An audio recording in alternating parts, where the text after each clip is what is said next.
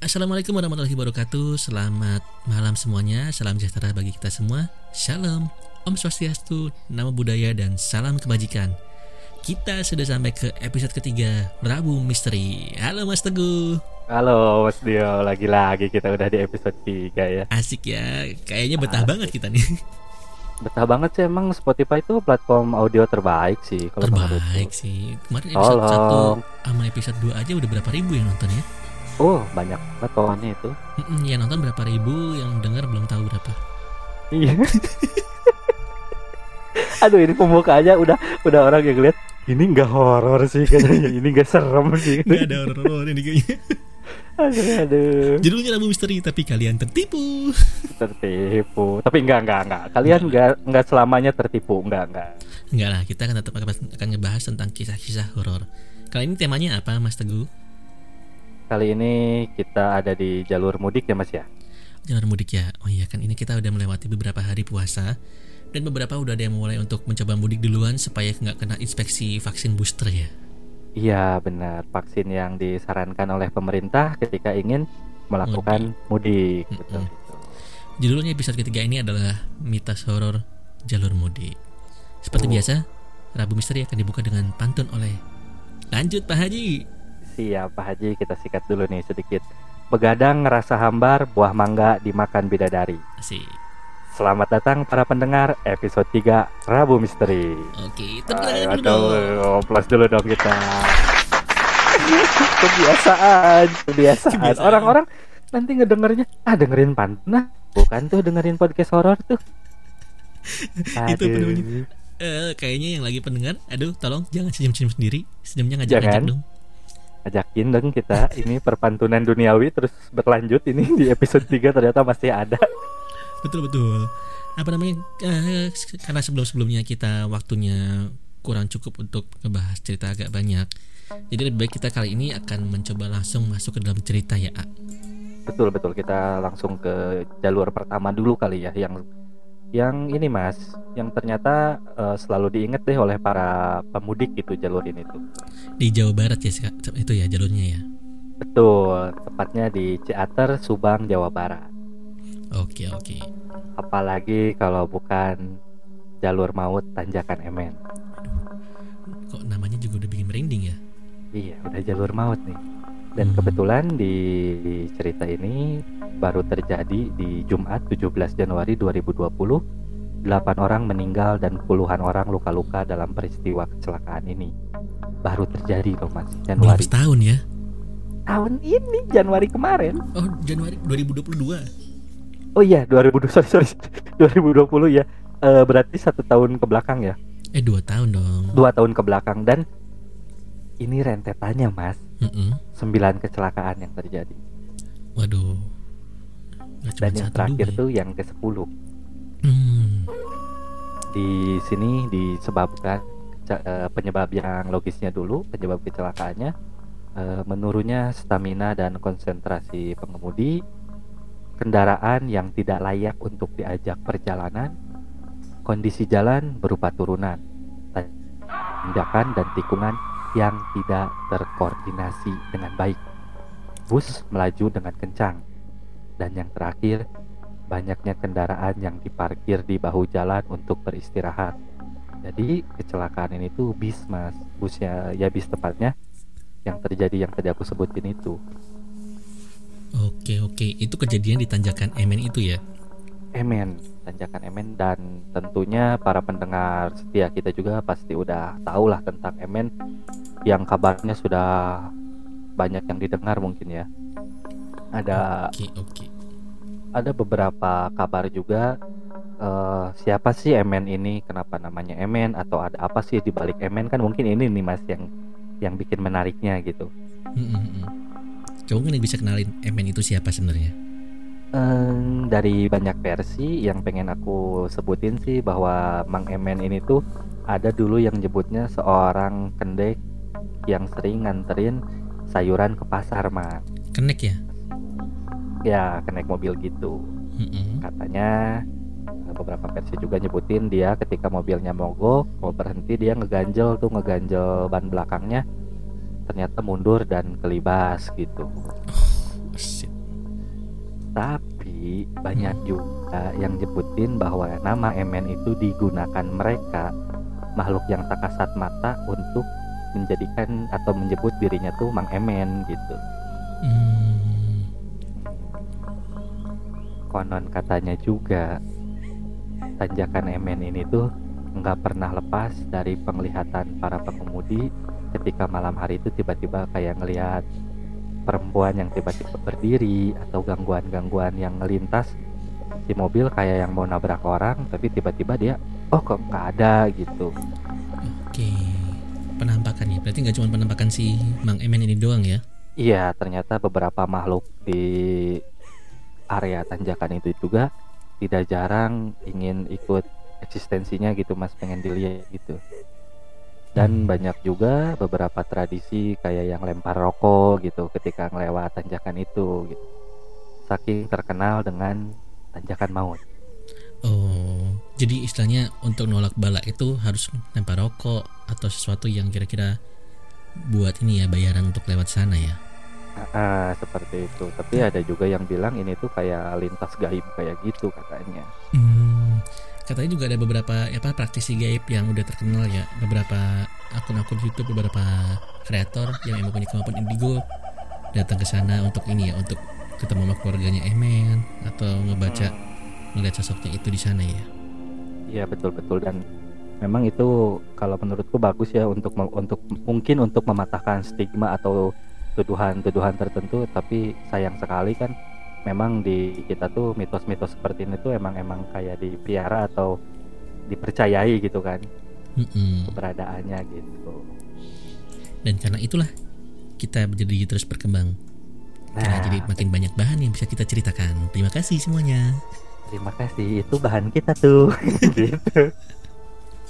Oke oke itu tadi ke masih di Jawa Barat ya. Kalau misalnya kita jalan Betul. sedikit lagi dari daerah sana, kita akan melewati jalur Pantura, Indramayu yang penuh dengan hiruk pikuk karaokean, pemandangan ah. indah dari mbak-mbak yang di sebelah kiri jalan. Cuma nggak tahu semenjak ada tol masih ada atau enggak itu ya. Iya kayaknya pada lewat jalur tol gitu kan. kasihan, kasihan. Oke, abis itu kita lanjut nih. Ada yang daerah yang aku sedang lewat dulu beberapa lima tahun ke belakang kita akan masuk ke Jawa Tengah.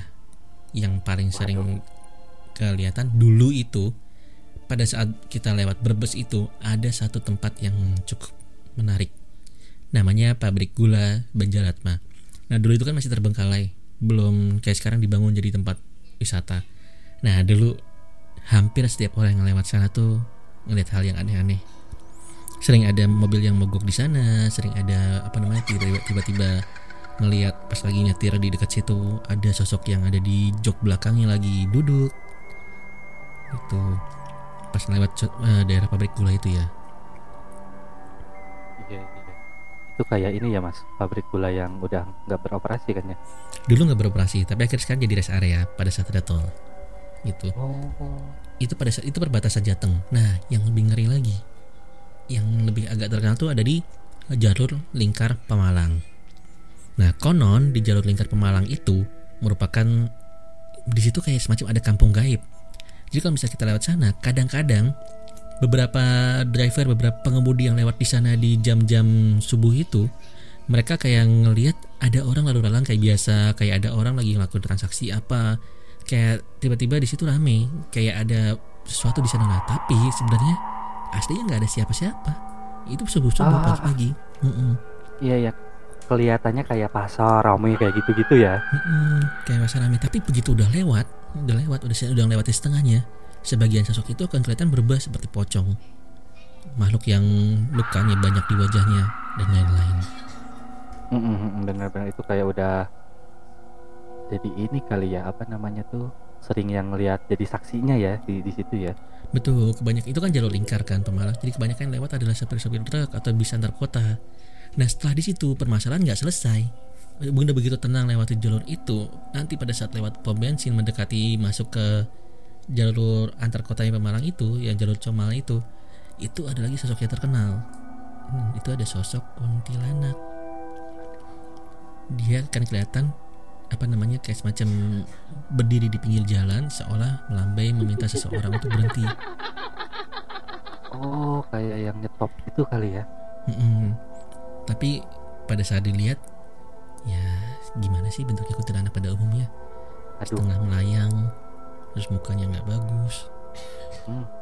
Gitu. Kadang kalau misalnya kita lewat gitu aja, nggak langsung pas segala macem, tiba-tiba kita ngeliat ke spion arah ke belakang tuh kayak ada yang layang ngikutin kita dari belakang iya sih itu juga lewat situ tuh merinding Asyik merinding untung aku belum pernah lihat apa-apa di sana tapi hampir setiap orang yang ngobrol tentang saya di sekitar sana pasti ngebahas tentang si sosok ini.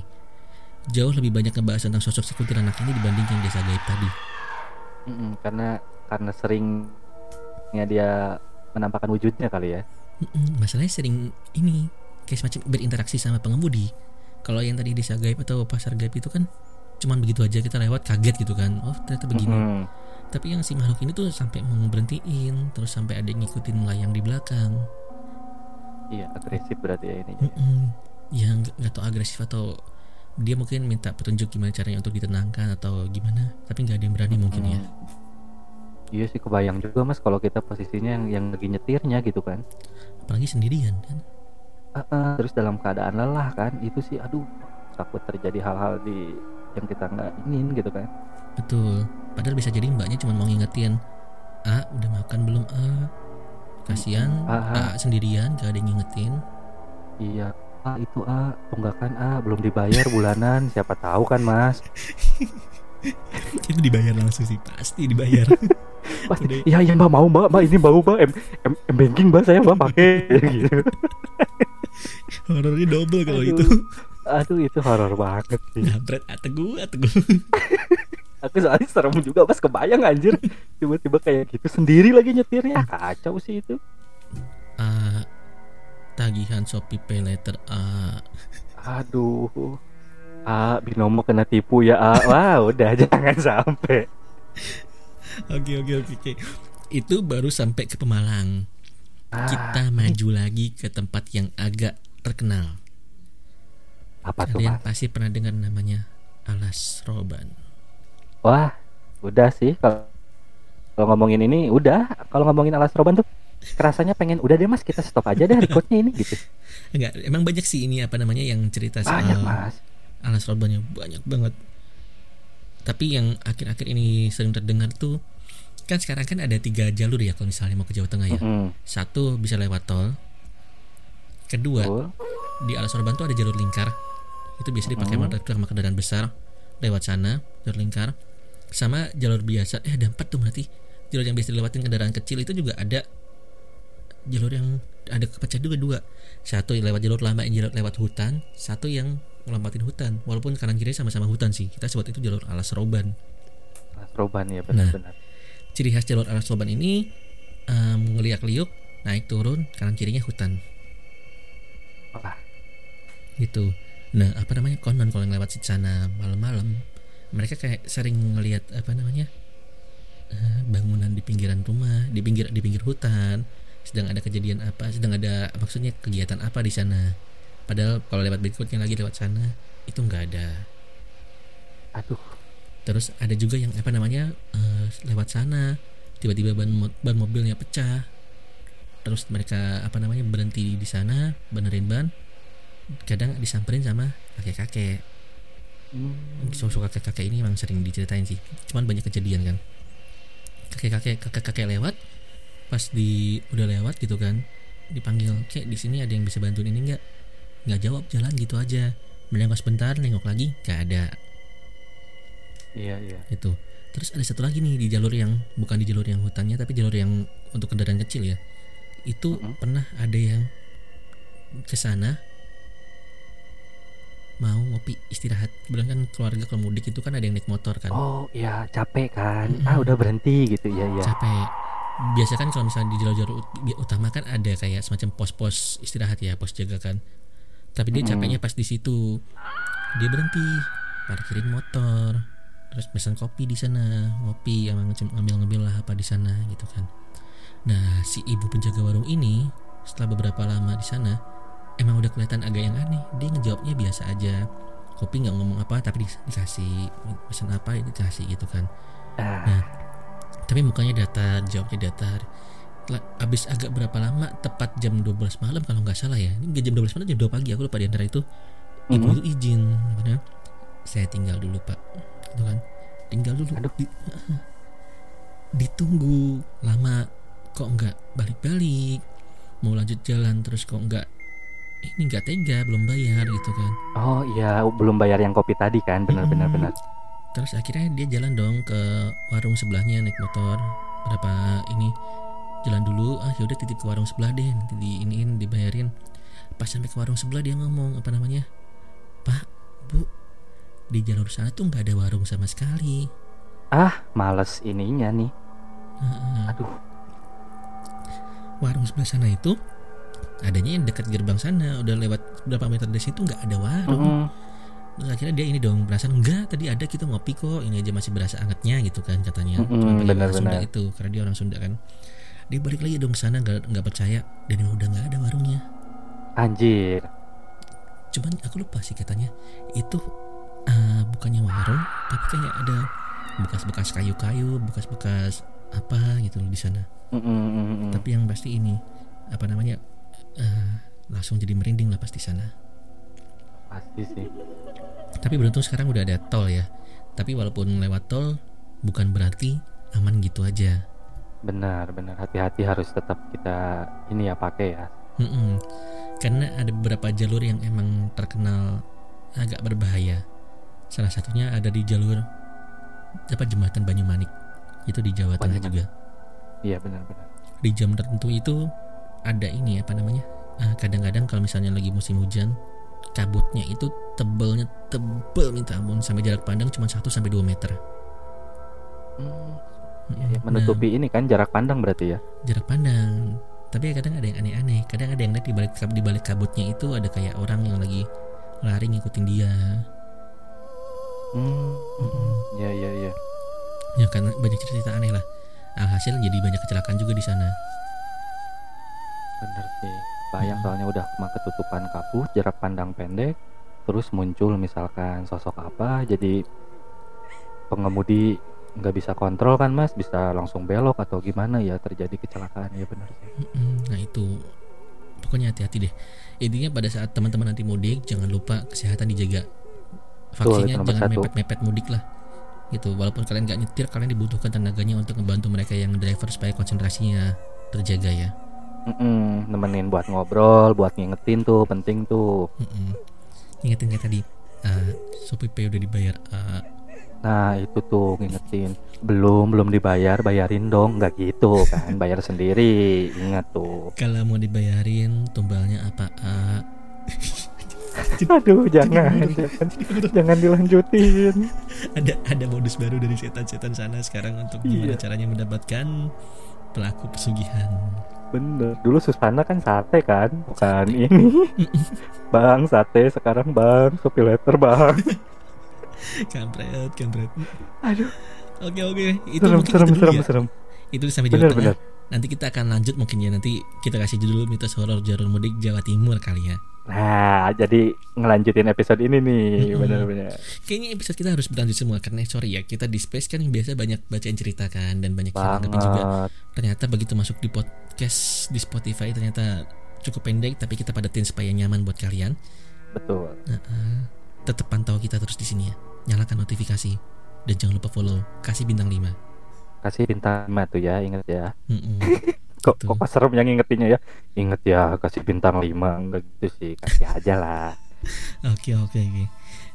Itu aja dari kita mungkin untuk kali ini. Semoga bisa menghibur teman-teman sekalian dan semoga puasanya lancar.